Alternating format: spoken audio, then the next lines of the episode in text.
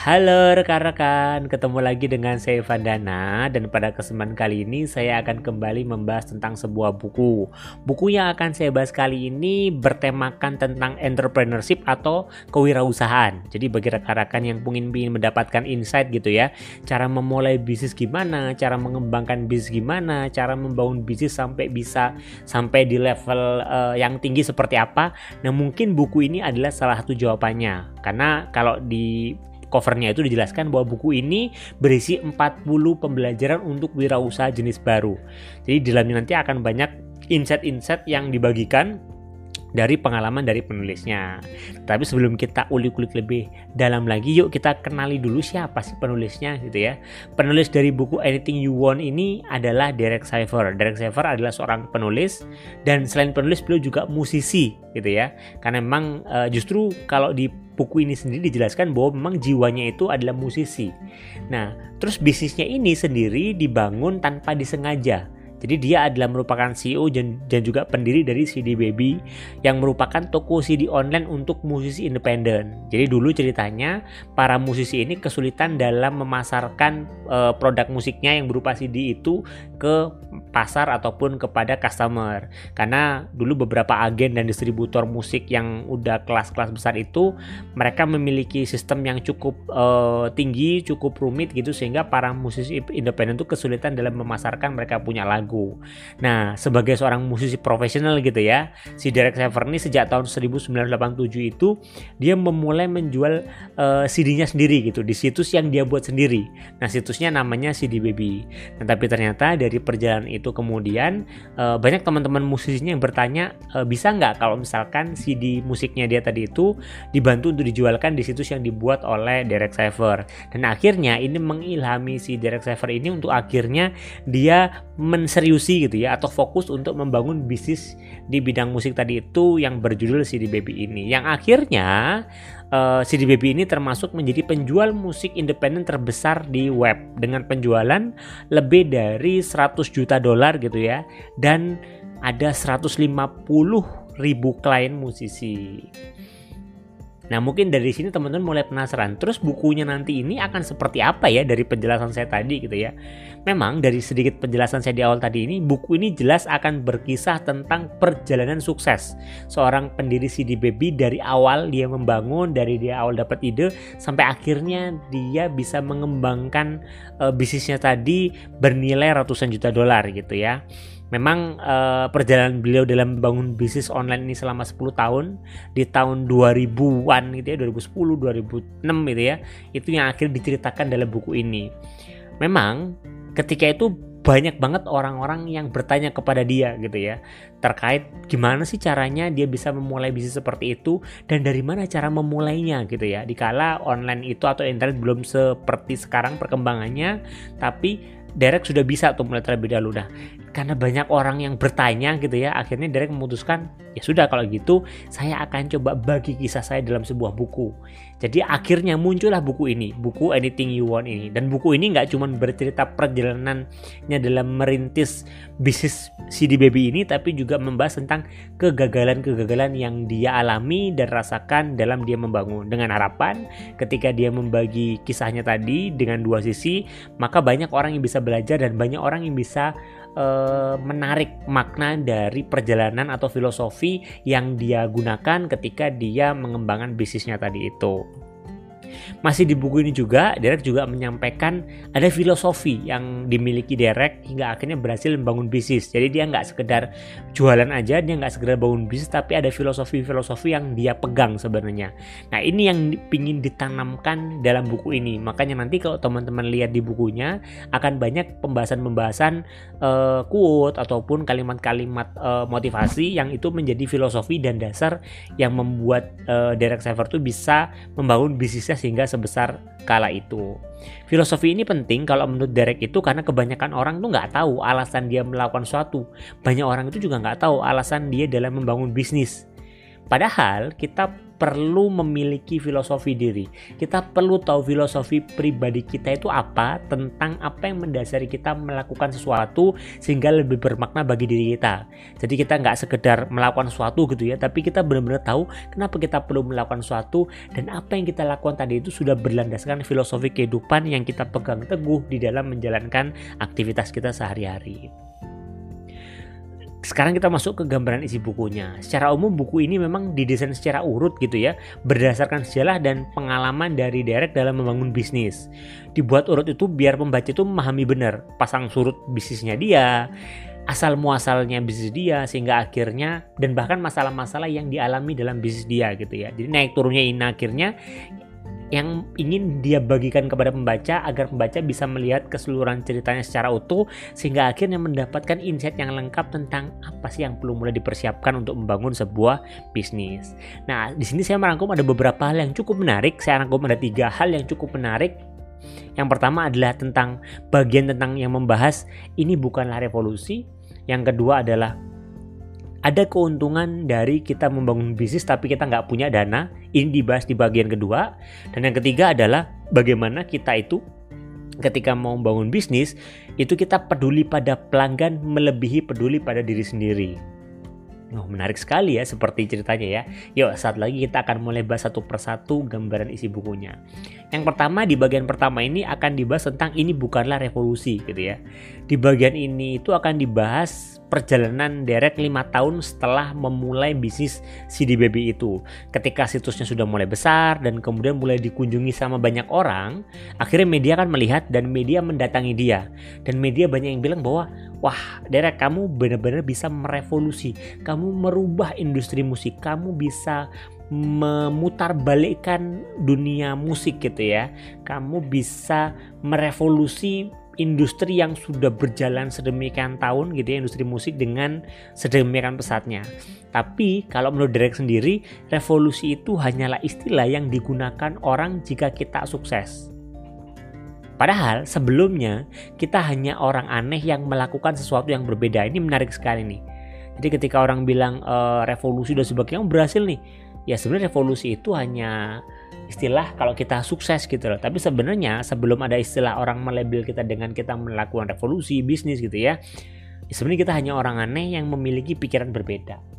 Ya ketika itu memang Derek memang hanya berniat untuk membantu musisi. Nggak ada kepikiran sama sekali dalam benaknya untuk mulai bangun bisnis. Terutama bisnis CD Baby ini. Tapi karena banyak teman-teman pemusiknya, musisinya yang merasa kesulitan untuk menjual produk musiknya maka ya akhirnya dia membantu karena memang ketika itu susah banget buat para musisi untuk bisa menembus dunia rekaman atau agen distributor musik. Masih di bagian ini juga dijelaskan bahwa banyak orang yang berpikir bahwa ketika kita membuat revolusi itu kita memerlukan provokasi terang-terangan gitu ya. Kita memprovokasi orang untuk mengikuti kita gitu untuk mendapatkan pengikut. Dan kita harus melakukan perang pemikiran untuk menantang status quo gitu ya. Untuk bisa membalikkan uh, dunia bisnis gitu ya. Padahal Derek bilang bahwa bila kita berpikir bahwa membangun bisnis itu sama seperti kita melakukan revolusi ya akhirnya itu membuat kita melewatkan esensi atau seni dalam kita berbisnis. Yang itu adalah fondasi. Kenapa sih kita perlu membangun bisnis? Yang kalau dalam pandangan Derek sendiri adalah ya kita membangun bisnis itu pentingnya adalah untuk melayani orang lain agar orang lain terbantu dengan kehadiran kita termasuk melalui bisnis yang kita bangun tadi itu. Maka eh, ya harus yang kita sadari adalah ini bukan revolusi, ini adalah tentang memberikan pelayanan kepada customer kita ataupun kepada orang lain di sekitar kita. Di bagian kedua, membahas tentang keuntungan dari tidak memiliki dana. Jadi ini kalau diceritanya memang Drake itu banyak membangun bisnisnya itu tidak menggunakan dana modal jor-joran dari investor gitu ya.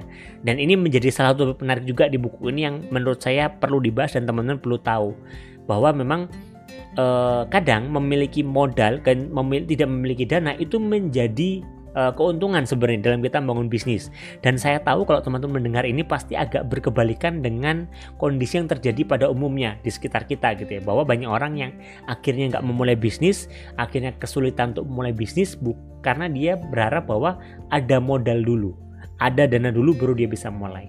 Padahal ini adalah sudut pandang yang sebenarnya salah kalau menurut Derek.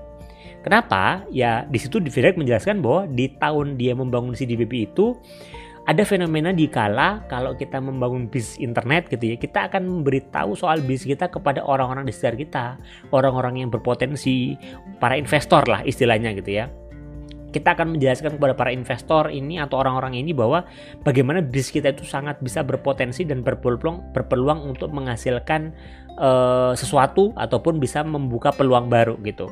Namun bagi Derek ini berbeda sebenarnya. Derek sendiri justru memiliki prinsip bahwa selama kita tidak memiliki uang untuk dihamburkan, maka kita tidak akan pernah menghamburkan uang. Atau istilahnya adalah ya kalau kita nggak punya duit gitu ya dari investor maka kita jadinya nggak jor-joran. Kita akhirnya nggak yang kemudian berusaha untuk menghabiskan uang itu untuk mengembangkan bisnis kita tapi kita justru akan benar-benar fokus pada apa yang menjadi esensi yang ingin kita tawarkan melalui bisnis kita mungkin sampai sini rekan-rekan juga bertanya gitu ya lah terus kalau kita nggak cari investor gitu ya nggak kita menunggu suntikan dari investor gimana bisnis ini bisa berjalan gitu ya Nah di bagian ini Derek kemudian menegaskan dan mengingatkan sebenarnya bahwa ya jangan lupa apa pun yang kita lakukan sebenarnya adalah untuk pelanggan kita. Maka kita harus memastikan kita membuat segala keputusan gitu ya, pengembangan bisnis itu berdasarkan apa yang terbaik bagi pelanggan kita dan bukan apa yang terbaik bagi bisnis kita untuk menghasilkan uang. Nah, ini pandangan yang menurut saya juga menarik. Karena kalau di sini Derek menjelaskan kembali bahwa nggak ada satupun dari pelanggan kita yang akan meminta kita memberi perhatian pada pengembangan bisnis. Pelanggan kita tuh nggak akan berpikir untuk kita tuh mengembangkan bisnis. Mereka hanya ingin pelanggan kita ini tuh ingin kita itu benar-benar bisa memusatkan perhatian pada membantu mereka, memberikan pelayanan terbaik. Dan di bagian ketiga, ini juga cukup menarik yaitu ya di sini Derek membahas tentang kepedulian pada pelanggan. Di sini lebih tepatnya Derek menekankan bahwa apa yang harus kita lakukan adalah kita peduli pada pelanggan melebihi pada peduli pada diri kita sendiri. Di bagian ini ada pembahasan menarik tentang dilema yang dihadapi oleh banyak perusahaan yang tanpa disadari gitu ya. Dilema tersebut adalah terkait berdirinya perusahaan yang nomor satu itu sebenarnya untuk memberikan pelayanan gitu ya tapi tanpa disadari gitu ya dengan makin uh, rumitnya bisnis perusahaan makin berkembangnya bisnis perusahaan gitu ya banyak perusahaan-perusahaan yang memiliki niatan baik pun gitu ya dia punya niatan baik untuk membantu masyarakat atau customernya gitu ya tanpa disengaja terjebak dalam mode bertahan hidup gitu ya. Mode bertahan hidup ini seperti apa sih? Ya Contohnya misalkan ini, sebuah bis itu diciptakan untuk bisa menyelesaikan sebuah masalah. Ini dasarnya. Ada masalah maka ada peluang di situ. Peluang itulah yang bisa ditangkap oleh bisnis gitu ya. Tapi jika berarti ketika itu itu terjadi gitu ya. Ketika nggak ada masalah gitu, berarti masalah sudah semua sudah terpecahkan, berarti bisnis nggak dibutuhkan dong gitu. Mungkin teman-teman mulai berpikir, hah bisnis nggak dibutuhkan, berarti kalau customer sudah tersolve masalahnya, bisnisnya bisa tutup dong uh, Derek di sini menyampaikan bahwa sebenarnya memang seperti itu kenyataannya. Karena tanpa disadari, kadang bisnis yang tadi dibilang sudah niatannya baik pun tanpa disadari itu terjebak dalam survival mode atau mempertahankan bisnisnya. Akhirnya itu membuat dia mempertahankan masalah yang harusnya bisa diselesaikan. Akhirnya dia tahan masalahnya sehingga akhirnya mereka bisa menyelesaikan masalahnya terus menerus dan bertahan lama sehingga perusahaan bisa memperoleh penghasilan. Nah ini uh, mungkin beberapa banyak tuh yang mungkin kita rasakan nih sebenarnya value perusahaan ini bagus ya tapi kok kenapa makin ke sini kok makin seperti ini makin seperti itu ya karena kadang perusahaan itu merasa bahwa masalah sudah selesai dan dia tetap berharap masalah itu tetap ada dengan harapan dia tetap bisa membangun bisnis dari masalah customer. Nah ini yang Derek tekankan perlu benar-benar diperhatikan. Kesimpulannya adalah secara umum buku ini pas untuk dibaca oleh rekan-rekan yang ingin merasa masih merasa bingung gitu ya. Untuk apa sih saya itu berbisnis? Buat apa sih saya perlu berbisnis gitu ya? Dan sebenarnya saya berbisnis itu saya mau capai apa gitu loh dalam hidup. Saya itu mau ngapain dengan bisnis seperti ini?